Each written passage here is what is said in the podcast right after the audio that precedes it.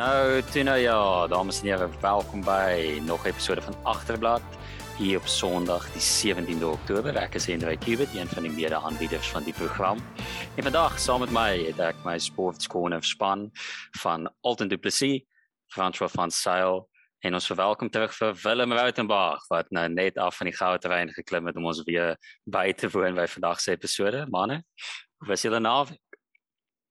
Ja, dit was goed. Dit was baie lekker, dankie. En dit is lekker om terug te wees. Dit is altyd lekker as die Stormers wen. Uh dit is 'n gevaarlike ding, soos ons al voorheen op bespreek het om jou hoop op of die Bokke of die Stormers of Arsenal te sit. Ehm um, of 'n kombinasie van die drie ten minste. En ehm um, ja, dit is lekker om te sien dat die manne dit vir ons deurgetrek het. Ja, ek het uh gister ehm um, natuurlik vroeg opgestaan, my boetie het cricket gespeel en ek het by die veld opgedaag en ons het ons is baie bekommerd dat dit gaan reën en ek het nog nooit so intens die weer radars opgehou en ek het altyd gedink die mense in Engeland voor die cricket games is snaaks te kyk waar die wolke lê en ons alles gekyk alles werk mooi saam toe kom ons aan toe die covers gelek toe die pitch modder en toe moes ek huis toe gaan toe ek vir net 7 uur in die oggend opgestaan op 'n Saterdagmiddag oggend. So ehm um, ja my naweek was suboptimaal Ja, Shaul nou hier was vir vandag se episode sou hy die eens as moderig beskryf en dit keer sou nogal later ruk gewees het. Um ek sou sê vandag is 'n suksesvolle Sondag want ons geen F1 nie, so geen Ferrari om te leef te stel nie. Dis Arsenal speel eers op Maandag aand. Um die WP was enigste span wat gewen het die naweek. So hierdie is uh, een van daai 2010 wêreldbeker wat vir tensie tipe naweek once in a lifetime. Um so ek het hom nogal geniet. Uh ons spring dadelik na die nuus van die blad af. Bietjie van 'n stiller week van sport, maar ons het nog steeds UFC rugby gehad na uit te sien soos ons net bespreek het. Die Stormers is die enigste span wat die naweek vir die SA spanne gewen het. Uh 24-10 teen die Dragons. Die Lions het 26-10 teen Ulster verloor. Die Bulle het 17-10 teen Edinburgh en die Skeieregter verloor Saterdagmiddag en die Sharks het 23-17 teen Cardiff verloor. Uh net toe ons gedink het die SA spanne kry weer momentum in die kompetisie en ons weer hou teruggevat. Hulle is nou af volgende naweek en dan speel hulle vir die eerste keer die 27ste November weer.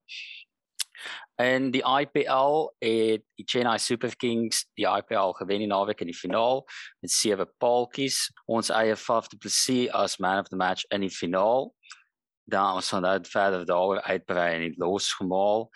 Verder in die preme resultate het Liverpool weer uitgestaan met 'n 5-0 wen teen Watford. Mo Salah die nog steeds voor as die beste speler die seisoen.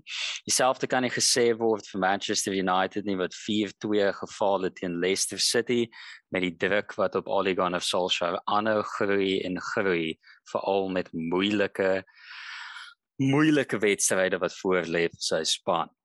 Dan voordat ons net losmaal ingaan, Alton Cricket T20 Wêreldbeker is op pad om te begin. Sit vir ons uit een waarna ons kan uitsien hoe die kompetisie werk en wat vir ons voorlê. Goed, baie dankie. Uh so soos jy sê, die T20 Wêreldbeker het vandag afgeskop in die eerste wedstryd het Oman reeds vir Papua New Guinea gewen. Ehm um, so soos jy seker kan aflei van die eerste van wat ek nou sê, die eerste wedstryde het nie die groot kanonne in nie. Hoe die kompetisie basies werk is dit begin met twee groepe van 6 spanne. Uh ekskuus, dit begin met twee groepe van 4 spanne in die kwalifiserende ronde. So jy het groep A wat Ierland, Namibië, Nederland en Sri Lanka is en dan het jy groep B wat Bangladesh, Oman, Papua New Guinea en Skotland is. Hierdie groepe gaan dan teen mekaar uitspook. Die spanne in die groepe gaan teen mekaar speel en aan die einde van hulle 3 rondes van wedstryde gaan die top 2 spanne van elke groep deur na die hoofkompetisie toe. Waar daar dan, soos ek gesê het, twee groepe van 6 spanne is. In groep 1 in die hoofkompetisie het jy vir Australië, Engeland, Suid-Afrika en Wes-Indië en dan sluit twee van die kwalifiserende ehm um, groepe se spanne, die span wat eerste eindig in groep A en die span wat eers uh, wat tweede eindig in groep B sluit aan by hulle en dan in groep 2 van die hoofkompetisie het jy vir Afghanistan, Indië, Nieu-Seeland, Pakistan en die span wat eerste eindig in groep B wat heel moontlik Bangladesh gaan wees en dan die span wat tweede eindig in groep A. Uh so hierdie week vind meestal die kwalifiserende wedstryde plaas. Ek dink daar's baie om na uit te sien. Veral groep A dink ek gaan verskriklik naby wees. Sri Lanka is die grootste naam tussen die spanne, maar hulle was absoluut power geweest die laaste tyd. Hulle teen Engeland, letterlik Engeland se derde span verloor. Ehm um, en hulle is in 'n sterk groep. Ierland en Nederland is beide sterk spanne. Namibië lyk like eintlik na 'n regtig sterk span ook wat 'n paar upsets kan veroorsaak met David Wisse, die voormalige Suid-Afrikaanse speler wat nou vir hulle speel. Ehm um, in die ander kwalifiserende groep dink ek nie daar gaan te veel uh, opskurings wees net behoort maar Bangladesh en Oman te wees wat deurgaan. En dan ja, dan sal ons volgende week uitsien na die hoofkompetisie, maar vir hierdie week is eers al die kwalifiserende wedstryde, maar ek dink daar kan daar kan 'n paar opskurings wees en ehm um, ek dink dit sou interessant wees om dop te hou. Ja, ek sien nogal uit. Ek nou as ons nou oorweeg na losgemaal toe en fokus op cricket Suid-Afrika. Ek weet hulle was die week weer eens in die nuus vir alles wat nie goed is nie. Ehm um, vertel vir ons wat gebeur het met die hele Faf du Plessis ding, waar ons staan met dit en dan gaan ons in en dan dit in. Ja, so ehm um, daar's nou al geruime tydjie bietjie tussen Cricket Suid-Afrika en Faf du Plessis wat dit nie lyk like asof hulle op dieselfde bladsy is nie. Ehm um, Faf du Plessis het duidelik aangedui hy wil nog vir Suid-Afrika witbal cricket speel, maar uh Victor Mpitsang maak Belcher en Key het hom heeltemal so van die planne uitgestoot. Toe het natuurlik die IPL plaasgevind. Faf tweede meeste lopies, net twee lopies minder as die um speler wat die meeste lopies gekry het en soos jy gesê het, was hy speler van die wedstryd in die finaal. Goed, tot hier klink dit nog soort van alright. Toe na die finaal, ehm um, plaas Cricket Suid-Afrika 'n foto van Lungi Ngidi, een van die ander Suid-Afrikaanse spelers wat vir die Chennai Super Kings speel op op Cricket Suid-Afrika se sosiale media bladsy. En hulle skryf congratulations Lungi Ngidi on claiming the 2021 IPL title with the Chennai Super Kings. Wat vreemd is, want saam met Lungi Ngidi in die Chennai Super Kings se span is Imran Tahir en Faf du Plessis. Natuurlik was die opskudding groot. Ehm um, veral onder Indiese ondersteuners wat absoluut fanaties is oor Faf du Plessis. Ek het gesien klomp het aangebied dat hy sy Suid-Afrikaanse paspoort moet weggooi en vir Indië kom speel. Maar wat ook interessant was is dat Faf du Plessis op die post gekomment het met really met drie vraagtekens en Dale Steyn wat opgekom het vir Faf du Plessis en Imran Tahir en gesê het dat Cricket Suid-Afrika belaglik is. Goed, toe het Cricket Suid-Afrika eers die comments afgesit op die post, soos mense doen. As mense jou kritiseer, dan maak jy hulle stil. Ehm um, ek is seker uh Faf de Klerk het dit al gewens oor ons program. En toe Hulle se pad om jou af te skop van die pot gooi dan. As ons Cricket Suid-Afrika se pad om jou te verwyder van die program af. Maar gaan maar aan, ja. En toe nou dit nie gewerk het nie, toe haal Cricket Suid-Afrika die post af. Dit het natuurlik nie die negatiewe kommentaar gestop nie. Al die ander posts op Cricket Suid-Afrika se bladsy het omtrent 1000 comments meer bygekry van veral Indiese ondersteuners af wat sê hulle moet vir Faf du Plessis kies en vir hom jammer sê. Toe maak dit Cricket Suid-Afrika 'n volgende post waar hulle sê congratulations to all the South Africans who competed in unplanned victory in the final, notably Faf du Plessis who put in a man of the match performance. Nou goed, Hoe hulle dink dit maak enigiets beter. Hulle het nie jammer gesê nie. Hulle het net 'n nuwe post opgesit. Ehm um, ek weet nie hoe dit werk nie. Ek weet nie hoe Cricket Suid-Afrika operate nie. Ek dink tot die mate dit was 'n skema geweest om meer likes op hulle post te kry want daar's nie een post op Cricket South Africa se blad wat meer as 15000 likes het nie, maar hierdie een het 87000 likes. So ek weet nie of dit 'n verskeie bemarkingsveld tog was nie. Maar eh, in alle eerlikheid, ek kan nie verstaan hoe Cricket South Africa vir Faf du Plessis en ons ander ervare spelers behandel nie. Uh, ek dink dit is baie swak, ek dink dit is 'n baie swak smaak. Uh ja, dit is interessant om te hoor wat almal daarvan dink. Kyk, dit voel vir my net Cricket South Africa het dit so punt bereik. Dit voel vir my vanaf 2019 net so afwaarts gaan waar ons praat almal weer vir wat af van die veld af gaan. Dit klink soos iets wat 'n tiener ou wat nou net opgebreek het met iemand en dan sy hele sosiale media gaan wipe. Sy wie petty stryd op sosiale media van wie's getag en wie's nie en dit laat almal net sleg lyk aan die ou en ek weet nie wat die wys van die ouens te sê het rondom dit nie. Cricket Suid-Afrika se spelers hanteer nie. Ja, ek het um, toevallig vandag het ek en my vrou van uh, middagete eet in Rosebank. Toe het ons verby Cricket Suid-Afrika se hoofkantoor gery. Uh dis daar in in Oxford Road uh op pad op pad Rosebank Mall. So was our Sevke stain poor. Ja, klop narre het buite rond oh, gedaan. Ek weet jy. Ek het jy weet ek hier's die plek.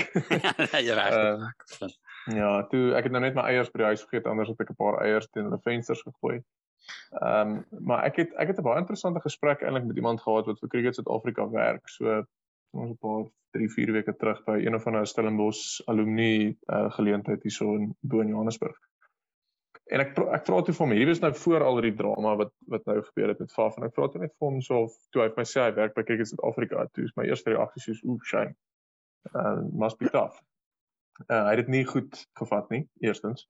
Ehm um, maar ek begin om 'n bietjie vra oor maar jy weet hoe jy weet hoe bestuur jy die plek? Soos wat gaan aan? Toe sê hy maar vir my in soveel woorde daar is regtig baie ongelukkigheid binne die binne die binne cricket Suid-Afrika as 'n geheel en die publiek sien hulle as 'n entiteit en dit is nie noodwendig die geval nie. Uh daar's baie mense in die binnekant wat dit op 'n manier wil doen, daar's baie mense wat dit op 'n ander manier wil doen. Maar ook vir my 'n ding wat vir my baie interessant is wat hy ook genoem het, is hy het gesê die manier hoe cricket Suid-Afrika sukses meet is nie aan hoe goed die nasionale span doen nie. Hulle sien cricket meer as 'n uh, hulle kan sê 'n vehicle to transformation in gemeenskappe in Suid-Afrika. Hulle sien sport as 'n manier uh, om mense uit, jy weet, poverty uit te trek en vir hulle geleentheid te gee. En hulle sê die hoe hulle op baie keer sukses meet is nie die ouetjies wat inkom en dit tot by die Proteas maak nie, maar as ouens wat 'n sportbeurs kry mans en vrouens wat sportbeurse kry by Tikkies of by Maties of so en wat op die einde van die dag 'n graad kry met hulle cricket, maar nie noodwendig verder gaan dit nie. En dit was my baie interessante so 'n manier om daarna te kyk.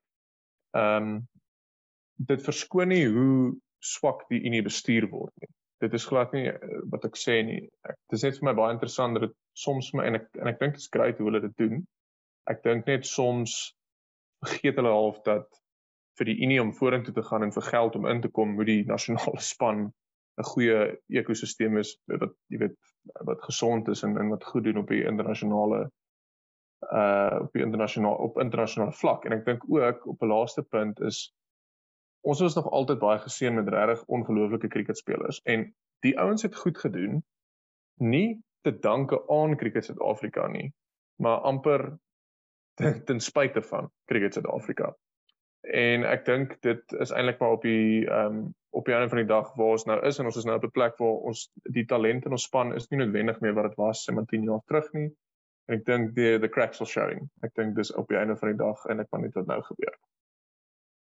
Ja ek ek dink Ek dink nie dit is sleg hoe Cricket Suid-Afrika dit probeer benader en op sigself dat jy dit sien as 'n uh, vehicle mense uit poverty uit te haal nie. Ek dink nie dit is sleg vir al in 'n land soos Suid-Afrika nie. Ek dink waar dit vir my problematies raak is soos jy sê 'n mens kort 'n nasionale span wat goed is vir dit om te werk ook want om belangstelling te kweek onder mense in gemeenskappe wat nie tradisioneel cricket spelende gemeenskappe is nie moet daar sukses wees. Mens gesien hoe baie meer belangstelling daar in rugby is na die Springbokke gewen het. Hoe eh, belangstelling in sokker tot 'n mate afneem omdat Bafana Bafana nie goed doen nie.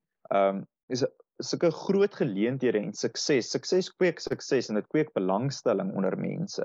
So ek dink ek stem saam met die breë benadering van Cricket Suid-Afrika dat jy sport moet gebruik om mense uit hulle omstandighede uit te haal, maar ek dink die manier van dit doen en totale wanbestuur en chaos wat tot 'n mate aangaan. Ehm um, ja, ek, ek dink dit verskoon dit nie.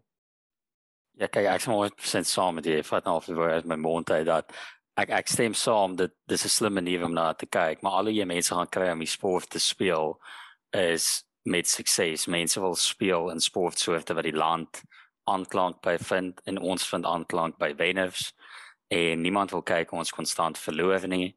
Um en ek dink sokker kan mense nog half by baat kan, kan nog half wegkom met die feit dat die nasionale span vir baie lank ehm um, nie goed doen nie want dis half meer gefestig in kultuur in Suid-Afrika waar die Proteas half bietjie uh cricket in die algemeen nie reg is nie so ek dink Ehm um, ek dink net dit jy koop wen of soms seker tipe kultief te kook. So uh, ons sal sien hoe hulle nou vaar in die wêreldbeker. Ons sal seker volgende week meer daaroor uitbrei. Um, Willem, wil jy gou nog Ja, so, ja, so ek dink dis dit dit julle som dit eintlik baie mooi op want hoe die gesprek toe eintlik gegaan het van daai punt af wat die ou nou dis my gesê het en ons bietjie daar gesels het is jy weet hy het, die punt wat hy gemaak het is hy het gesê rugby en sokker is makliker om in agtergeblewene gemeenskappe bietjie jy weet wil ek amper sê te laat te laat gebeur want dis een is baie goedkoper. Ehm um, want jy het nie regtig veel toerusting nodig om dit te doen nie. En punt nommer 2 is jy kan meer staat maak op jou fisiese vermoëns om goed te wees in die sport op 'n jonger ouderdom.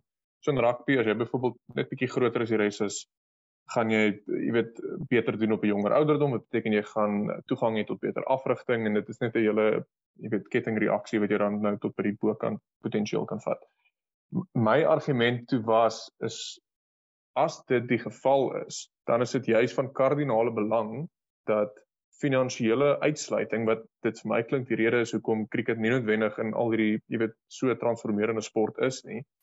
As geld en finansies die rede is daarvoor, moet dit definitief nog belangriker wees om jou unie actually goed te bestuur. Want as jy die unie goed bestuur, dan kan jy daai hele groot, ek amper sê struikelblok met finansiële uitsluiting, dis kan jy heeltemal van die tafel afvat wat soveel beter vir jou transformerende doelwitte gaan wees in die sport in in die eerste plek. En dis wat die ou toe ook vir myself sê, jy weet, hy stem saam, maar dit is 'n internal struggle en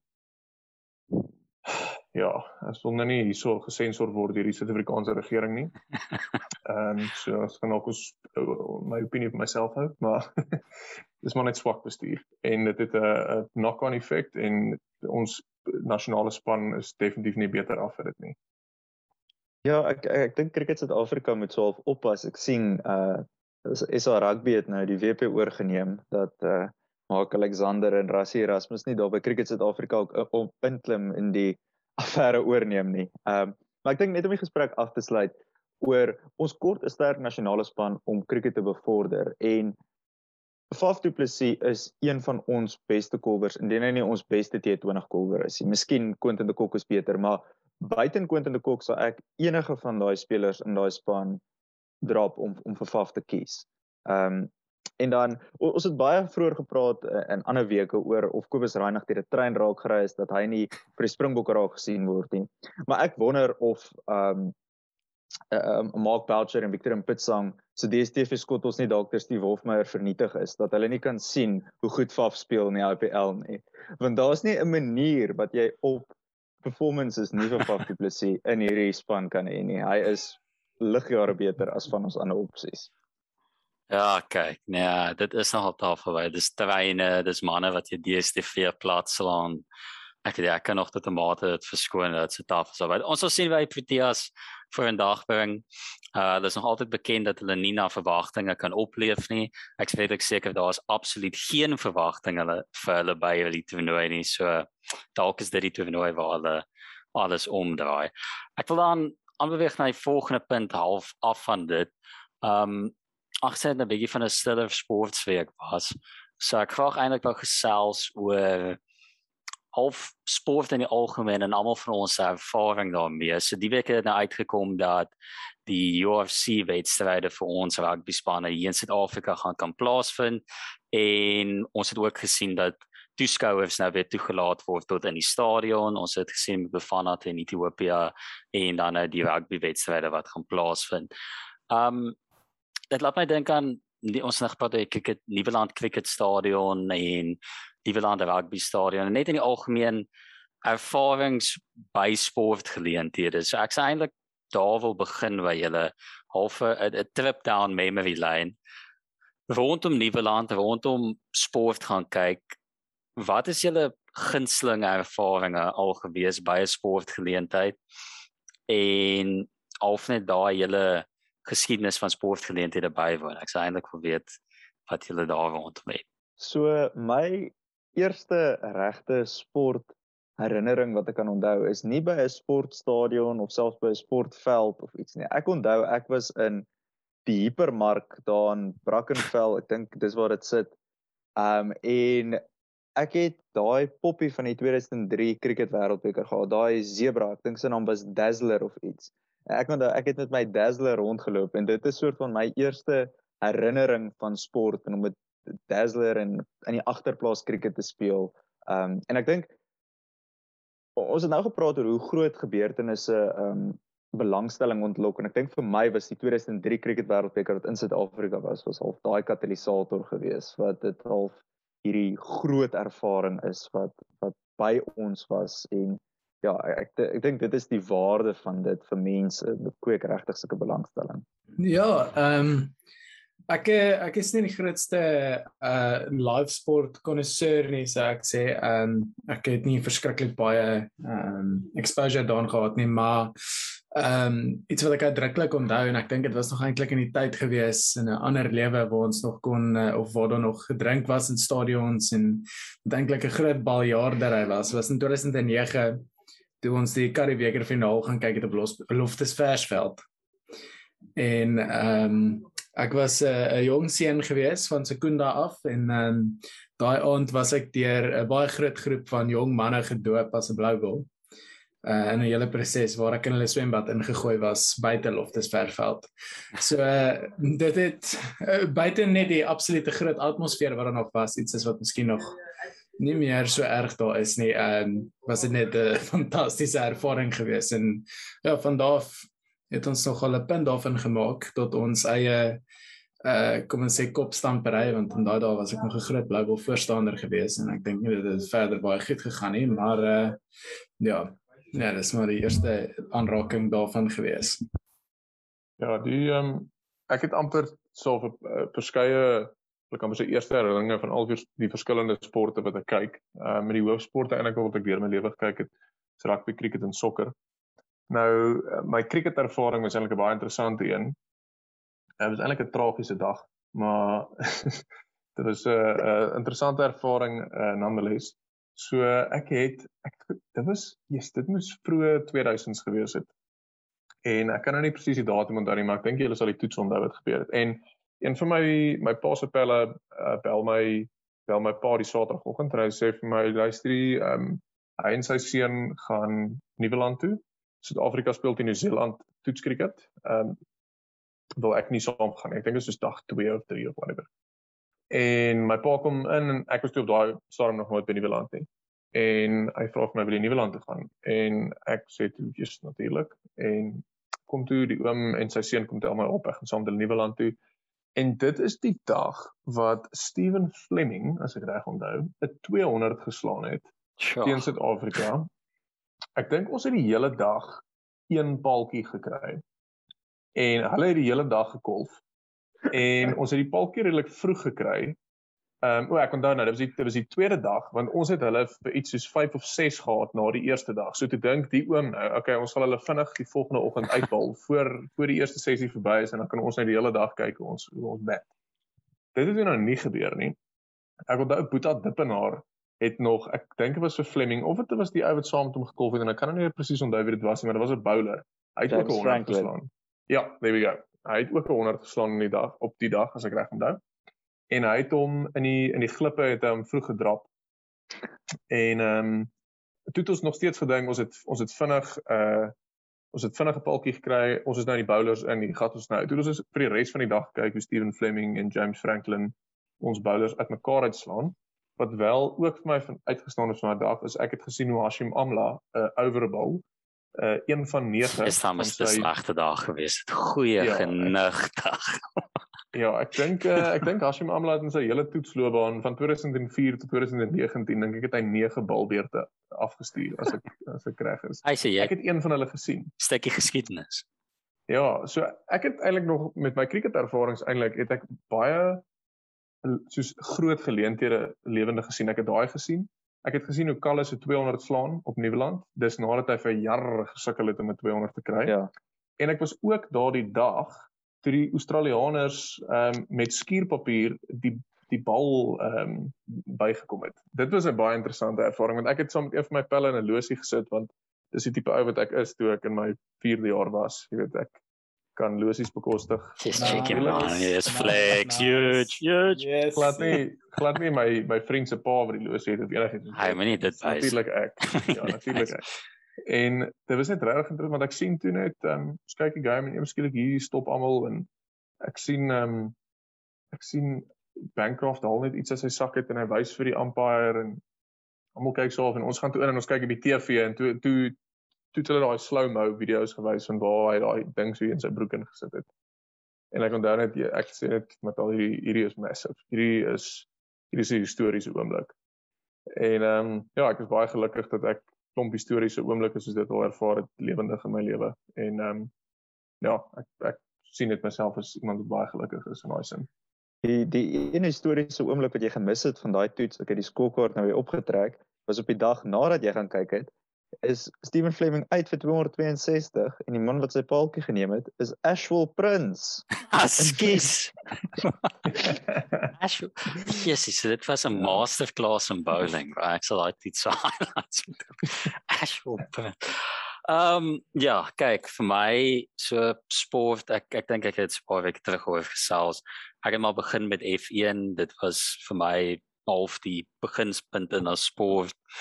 Michael Schumacher, Ferrari elke Sondag, daai tipe ding. Maar in terme van baie stadion sport gaan kyk, ek nou al so voor kom by rugby te gaan kyk, sokker te gaan kyk, met Cape Town City en dan 'n cricket.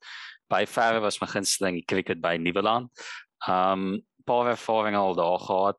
Uh altyd wat 'n paar twee twee en drie wêreldbeker is, is dan nie visuele weergawe van die potgoed maar hier voor my het ek die 2003 wêreldbeker kol wat geteken is deur Sean Pollock en al daai tipe manne. Dit ek glo dit was die einste jaar vir Sean Pollock se wiskunde om uh, in die soplaat beland het met Duckworth Lewis.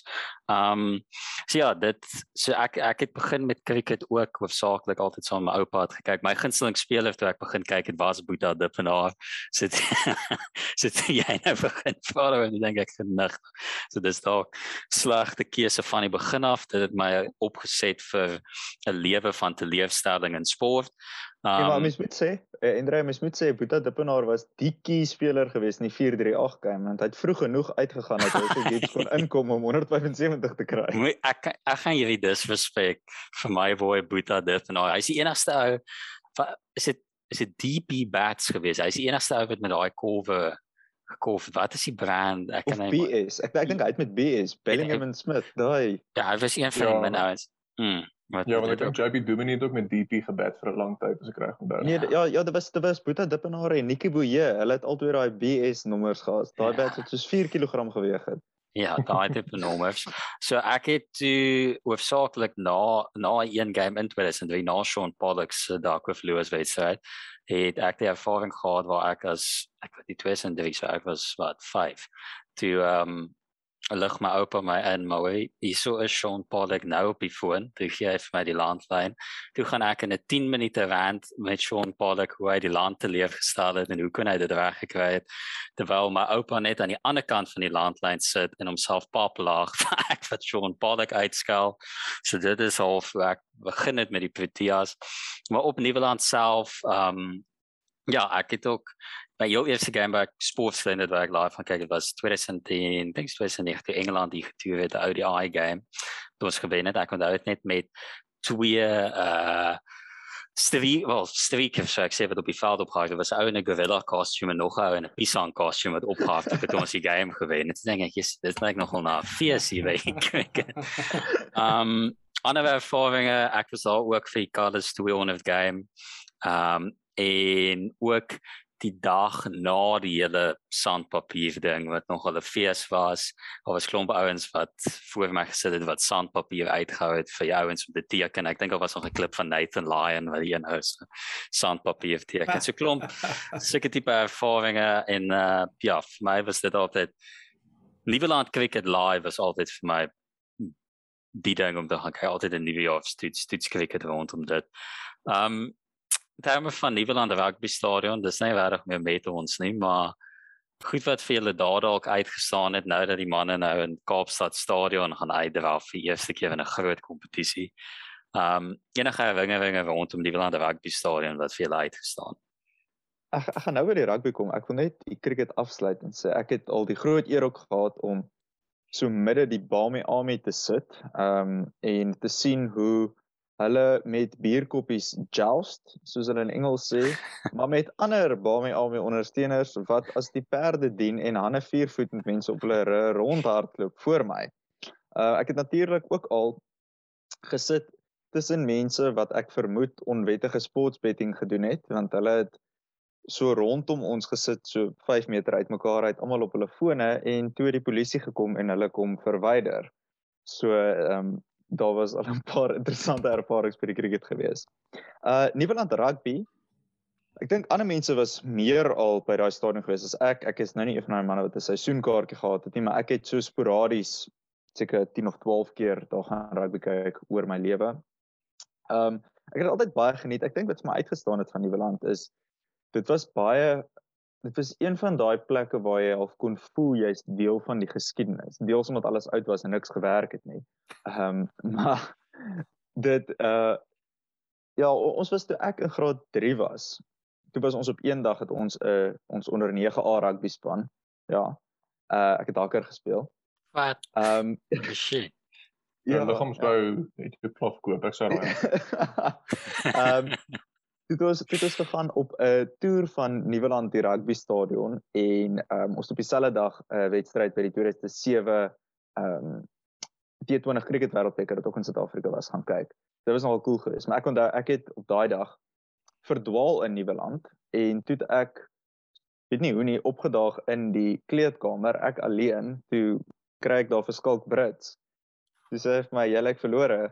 Dis ek vir hom nee, ek het kom kyk wat hier aangaan en toe het hy my gelukkig teruggekry by die by die toergroep. Ehm um, so ja, wonderlike herinnering van Nieuweland oor. Man was bang hy vat sy werk. hy was hy het gesê hy stap nog 'n haker in, maar wat sê die masjien in die locker room. Yes. Okay, geen wonder hy het daar uitgekry nie, bro. Genagtig. ja, Nieuweland Nieuweland rugby is nog altyd ook hierdie vreemde mix van net soos die die snaakste dele van my van die Kaapse kultuur. Dit was my net elke keer ek het dit um ek het meer daarvan gehou om op die spoorweg paviljoen te sit as die as die hoofpaviljoen. Plus want ek het gevoel die die die hard WP ondersteuners. Dit is die regte manne. Sit sit. Ja, hulle is stand daar agter. Ja, hulle is die ouens. Ja ja, ja daar by die dak. Jy kan amper nie die ander jy kan amper nie die die ander uitlyn sien daar by die ja. hoofpaviljoen nie, want die, die dak kom hier bo jou. Ehm um, en ons het een keer het ek ehm um, het ek saam met my pa gaan kyk en daar's toe 'n uh, groep ouens van die Kaap wat so voor ons sit met die een ou is gekletter. En hy het weer always stand, ja. Ja ja, natuurlik. En hy het 'n so WP vlag wat hy so hier om sy nek vasgebind het soos 'n uh, soos 'n Superman cape. Dit was nog net daarvan soos Pieter Grant en Skalkburger en en al daai manne. Goue era. Girelli Nakalavuki. Oh, dis van nou ek wil nou iets noem hom. Ja, ons sê okay. Dit was 'n baie depressiewe dag in my WP WP ondersteuningsloopbaan. En die ou, ek dink die WP het gesukkel en hy sê toe net ewe skielik op sy pelle, hoorie, hy moet na die WP gaan help want die manne sukkel.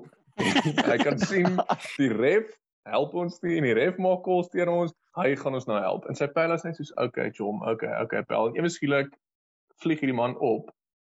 En hy soos hardloop net af met die trappe tot tot teen die veld.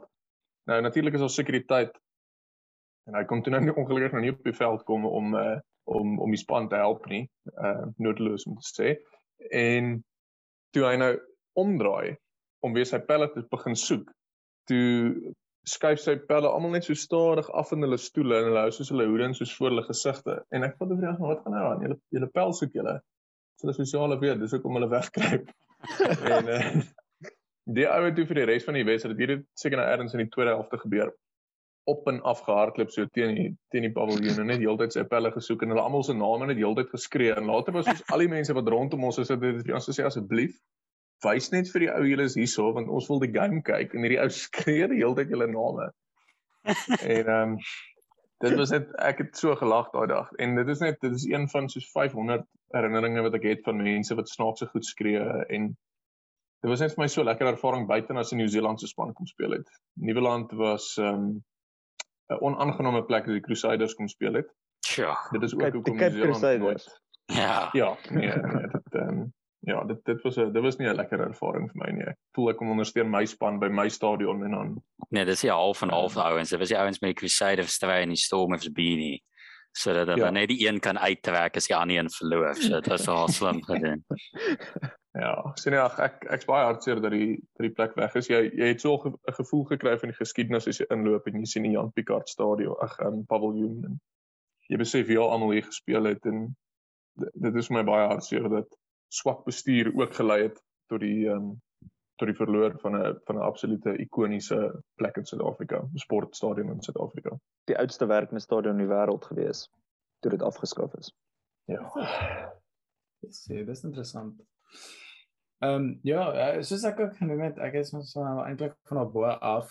Uh so ek het eers op skool te doen gekry met Nieuweland toe ons ehm um, getoer het vir daar was een van 'n rugby toernooi wat elke jaar daar gehou is vir die vir die skole in die Kaap en ons het nou 'n hele proses wat al die games dan nou so oploop tot 'n hoofgame tussen twee groot skole toe en ehm um, ons het toe 'n fixture getrek teen Rondebosch so ons hele skool is toe op busse so Nieuweland toe jy het Stellenbosch uit en ehm um, toe ons aankom te besef ons maar luister boys hier is nog 'n hele paar ure voordat ons ouens op die veld uitdraf en ons kyk toe 'n bietjie al wie speel en uh, daar begin toe 'n game tussen Hoërskool Brackenfell en Hoërskool Milnerton Skool brake. en ja en uh natuurlik sies begin jy uitkyk wie die span wat lyk of hulle 'n bietjie beter doen en dan stem vir die ander spanne en kyk jy of hulle nou 'n bietjie ander dalk kaart kan speel. En ons was langs Hoërskool Milnerton gewees met Hoërskool Brackenfell so net aan die ander kant van ons. Ehm um, en toe het ons begin uh begin cheer vir Hoërskool Brackenfell teen hierdie Milnerton boys want dit het nie baie goed gegaan nie. So nou kan jy dink daar's omtrent so 800 ouens op die stands ehm um, saam met hoërskool wat hulle Brackenfell wat nou net skree brakkies brakkies lekker lekker ja ja en hoe harder ons begin skree hoe veiler begin daai maar op die veld speel daar's spear tackles en wat ek en freaking hulle gooi mekaar rond en uh, hulle gee mekaar 'n bietjie pak slaan in in die raks en uh, daar was so een of twee brawls gewees ook.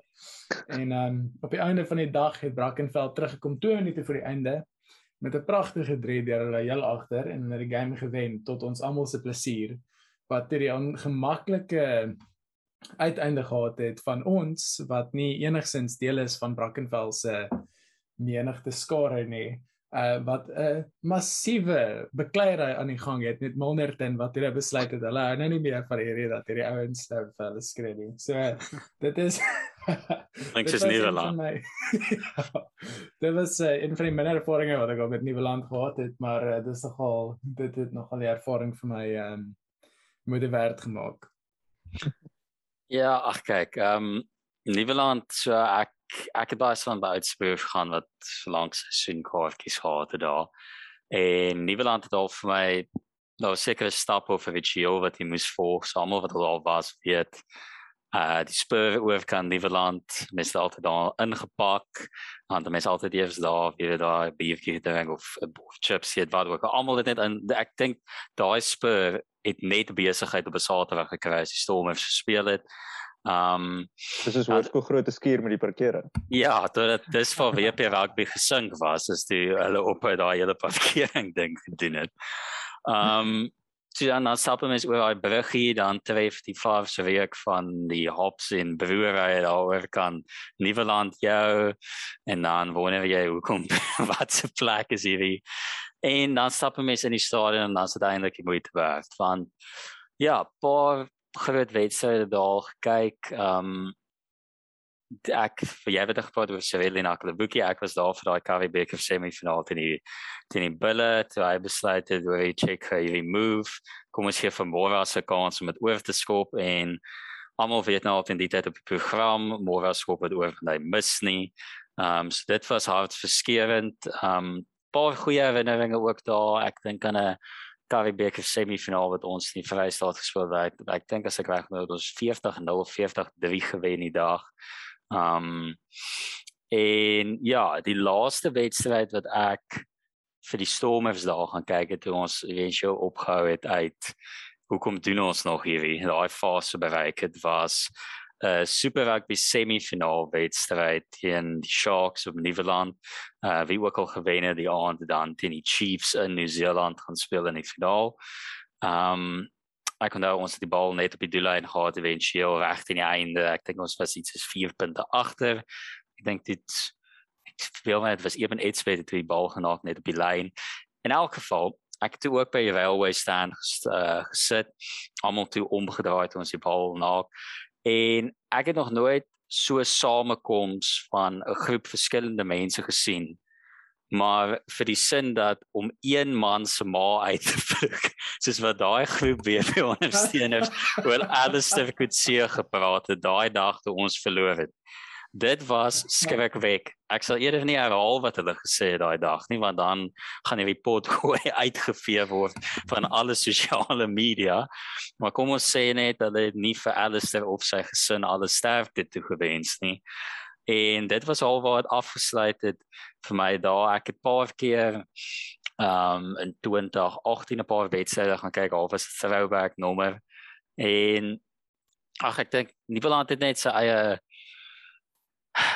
soos wat Willem ook uitgewyd dis so as jy ingestap het jy weet jy sien al die stadion verby en jy sien die railway staan en jy wonder wat die hell is dit bro kan iemand net die plek bietjie skoon maak, bietjie laat opkikker en nie, maar as jy instap dan vergeet mense al van dit. Want dit is so geskiedkundig gebou gewees en ek het nou net by een groot stadion al 'n ander wedstryd gekyk. Ek het al twee bokke games gekyk. Een was by Nelson Mandela Bay Stadion in Engeland in 20 ek weet nou met met datums werk. Jy sien jy sien toe wat lig net voor die een wat nou laaste plaas vind dit. Dit was die derde toe speel ons 13 13 gelyk op. Die, ek dink as dit toe daai aand klomp skoppe gemis het vir ons genoeg. Um maar dit was vir my 'n right stadium maar die game ek het een bokke game in Nieuweland ook gekyk die volgende keer toe Engeland hier kom toe het en die atmosfeer in die stadion en als wat dit gehad het dit het regtig nog spesiaal gemaak. So ek dink ek sien uit vir wedstryde by Groenpunt maar ek dink 'n deel van dit ehm um, ek weet ek dink 'n deel van daai hele kultuur val al weg met die wedstryde wat daar geplaas word. Ja. Hmm. Ek ek dink vir vir vir ek regtig bang is nou is jy nou nou gepraat oor Alistair Coetzee en daai hele era.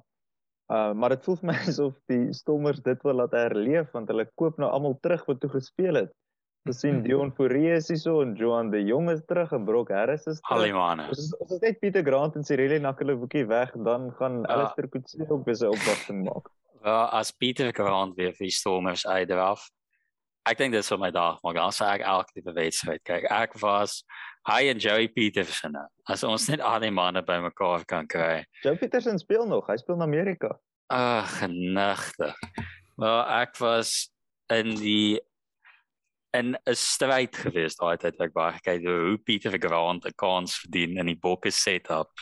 Um die feit dat ek nog rugby gesels na ek daai argument weer voer het is 'n wonderwerk maar ja ag so ek dink die die opsomming wat ons uit kan uitneem is ek sien baie uit na die kans om weer sportgeleenthede te gaan kyk by die stadions ek dink ehm um, wedstryde by Groenpunt gaan lekker wees. Ek dink tot by 'n paar Cape Town City games daar ook en ek sien baie uit na dit. So dit was 'n lekker cruise down memory lane gewees daar.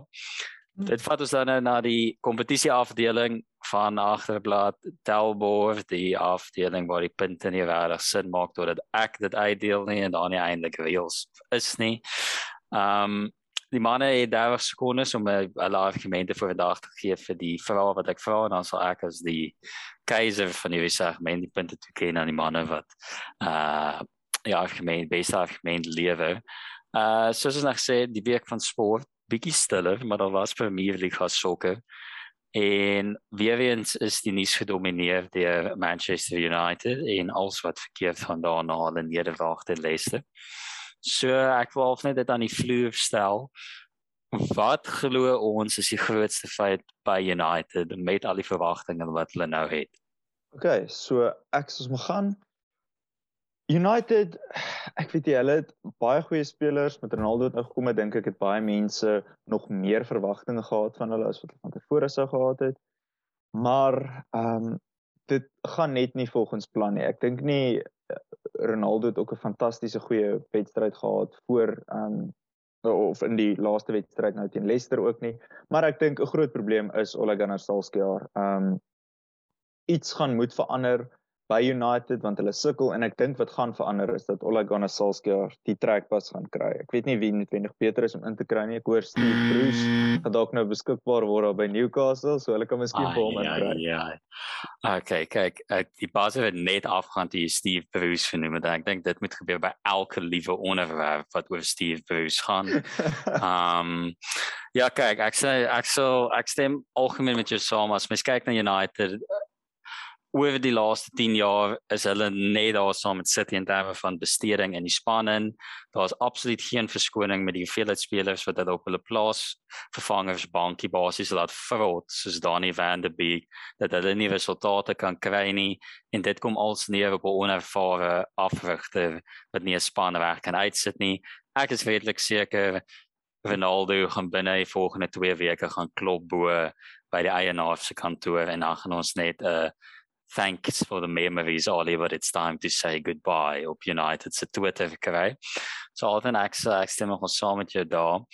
En dit bring ons dan na die ander nuus waarna ons uitsien waar ons vroeër gepraat het die T20 wêreldbeker wat nou gaan afskop. So wat ek wil vra aan julle is wie dink julle is die gunstelinge of julle keuse om weg te stap met die beker aan die einde van die toernooi? Goed, so T20 Wêreldbeker, ek dink dit gaan baie naby wees, maar ek dink daar is 'n paar duidelike gunstelinge. Ek dink uit die tweede groep, dink ek Indië gaan bo in die groep deurgaan. Hulle het soveel diepte met die IPL het ons gesien hoeveel fantastiese spelers lê het. Op diepte is daar nie 'n span wat kan kers vashou by Indië nie. Uit groep 1 uit, ek dink ons sal goed doen as ons derde kan eindig in ons groep. Ek dink Wes-Indië is die gunstelinge. Hulle lyk nie goed tussen wêreldbekers nie. Ons het hulle gewen in Wes-Indië maar op die dag hulle het ouens wat groot sesse slaan, hulle het 'n paar goeie bowlers. Hulle is Ja, kyk, miskien reg teen India gaan nie veral op die blaaie waar hulle gaan speel in UAE skep. Dis daar's 'n rede hoekom hulle gunstelinge is. Ek sal 'n ander naam in die hoed gooi. Uh ek wens ek sou sê Suid-Afrika, maar nee, dankie. Um ek dink ek gaan met Nieu-Seeland bloot. Ek dink hulle is in daai lys van topspanne. Ons het gesien in die laaste paar wêreldbekers in verskillende formate hoe hulle goed vaar. Na my mening het hulle nog steeds verdien om ten minste die finaal gelyk op te speel in Engeland in die vorige ou die wêreldbeker, maar dis onderwerp vir 'n ander dag. Ek dink hulle het 'n goeie bowling attack, baie potent batting line-up en ook Hulle het by verre die beste kits uit al die spanne in die toernooi. Dit is nie eens naby nie. So based op looks alleen van die kit gaan ek met Nieu-Seeland gaan. Maar ek dink as ek cricket ken of sê ek dink dan aan Alton gee daar. Ek dink India is heel waarskynlik die manne om op geld plaas om aan die einde van die toernooi weg te stap met die beker. Ehm um, dit bring ons dan mense in hmm. India wat ook geld op alles sit. Ja. Prof Hansie. ai ai ai. Okay, wel kyk sê dit is hoekom cricket Suid-Afrika altyd gaan verwyder van hierdie program. So ek wil net aan ons luisteraars uh Stewe boodskap in om te sê wat julle gunsteling oomblik was van altyd op die program en ons het volgende week 'n herdenkingsdiens op die agterplaas. Jy kan jy kan brag oor Michael Schumacher wat 'n Netflix dokumentêre het. Hansie het ook nou een. Het hy nie 'n fliek nie? Het hy nou 'n dokumentêr? Hy het 'n fliek ook, maar maar sy broer sy broer het die fliek gemaak, so dit tel nie ja. reg nie. Maar hy het nou op daai Bad Sport op Netflix, so hulle nou The Hansie Chronicles. Ai. Ai. Ja, maar maar maar maar, maar daar is 'n episode oor sy hele hele knoeiery skandaal. Kanaai. Ja, kyk, ek sê vir sy Hansie fliek is nogal 'n goeie en ek ek het dit nogal geniet. So ek sal op die DVD Ja, dit hy was al 'n emosionele trane te werk het gewees aan die einde. Ja, hopelik sal geen uh sulke tipe dinge aan die gang by T20 wêreldbeker alhoewel ek gaan dit nie voorstel nie, maar met hoe ons cricketspan tans speel, noem ek net so iets is 'n opsie.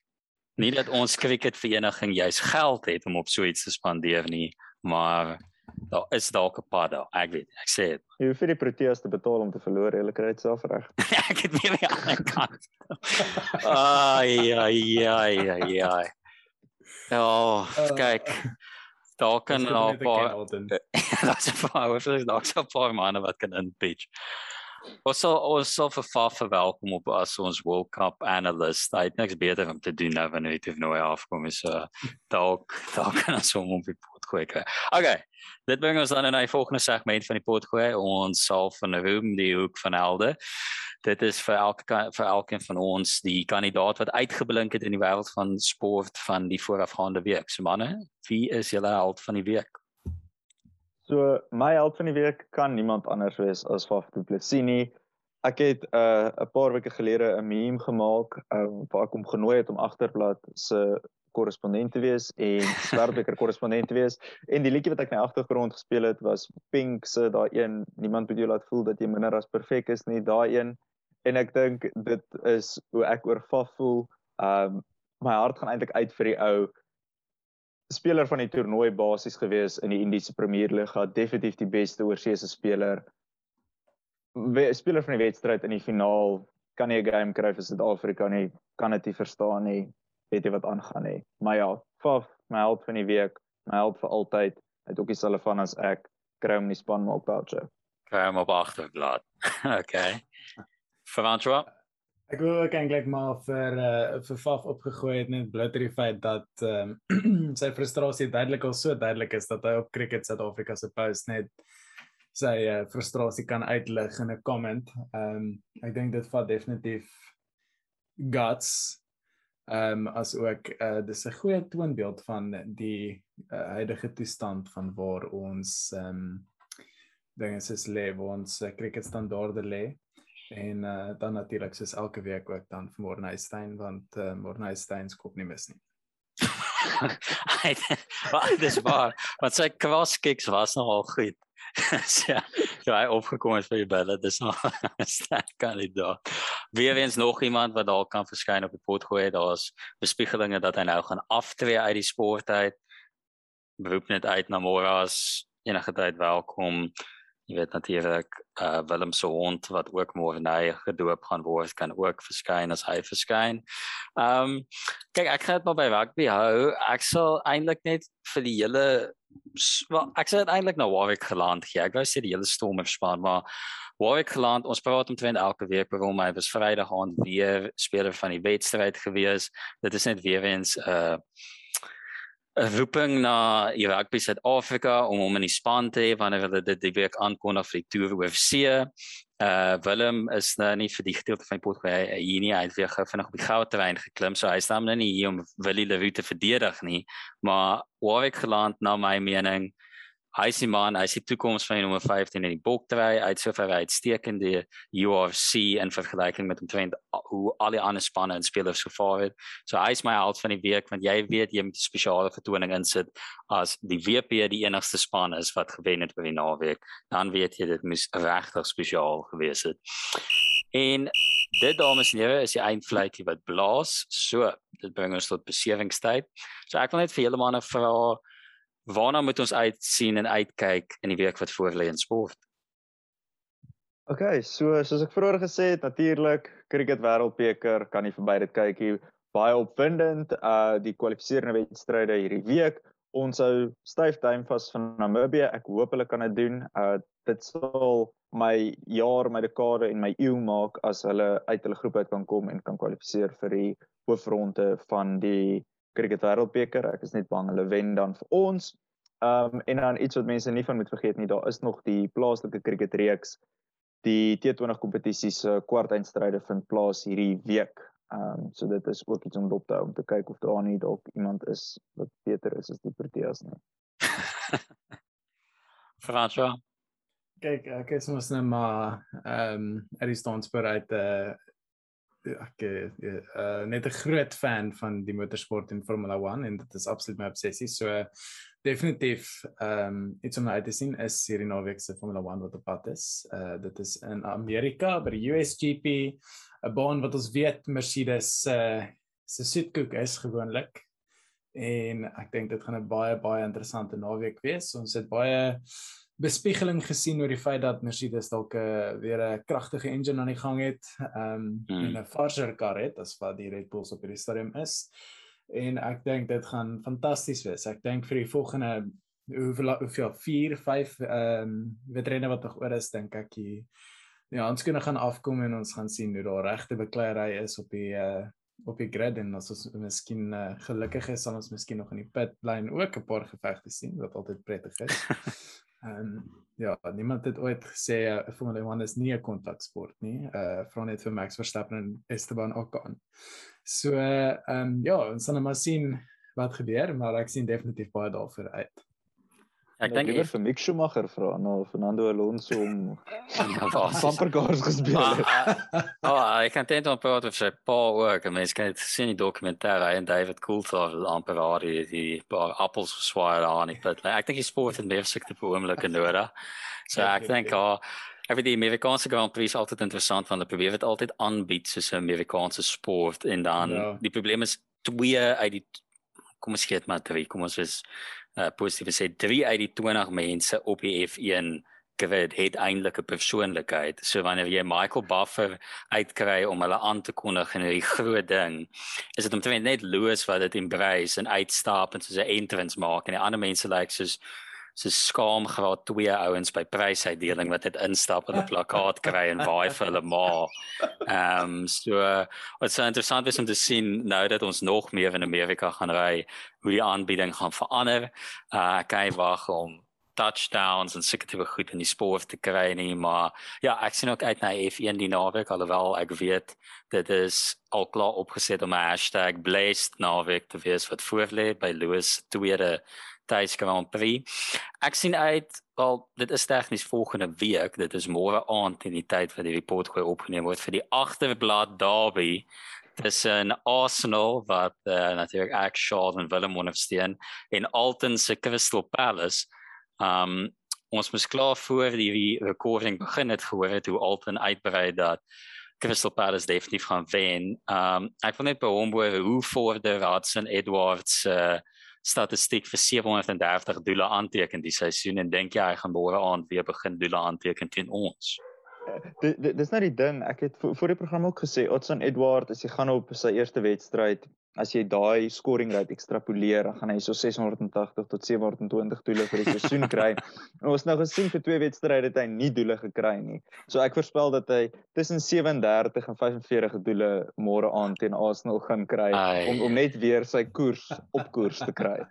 Kyk, ek wil nou dis nie deel waarmee sê dis onmoontlik maar in die 12 jaar wat ek al Arsenal sokker kyk, kan ek net dit juis uit die ruimte van moontlikheid sit dat dit gaan plaasvind nie. Ehm um, kyk, ek moet sê as Arsenal môre aan wen is hulle 1 punt agter Man United wat nogal in konteks sit hoe erg uh, Ole Gunnar Solskjaer se werk en die risiko is. En ek moet sê as ons nie môre aan wen nie en as Palace wen Patrick Vieira weer by Arsenal uh gaan ek eers vir die volgende 6 weke agterblad met uitsit so dis dalk die laaste keer wat jy my gaan hoor vir ruk want ek kan nie na Alton luister as ons môre aand in Palace verloor. so uh, ons hoop maar ons wens maar alle sterkte toe vir Arsenal boys om dit vir die meerderheid van die agterblad span huis toe te bring. En dit dames en here is dan dit. Ek sê baie dankie aan die ouens vandag wat ons uh saam gesels het vir die vele wat geluister het en ek sien uit na volgende week se episode. Кто рано, тот сидит.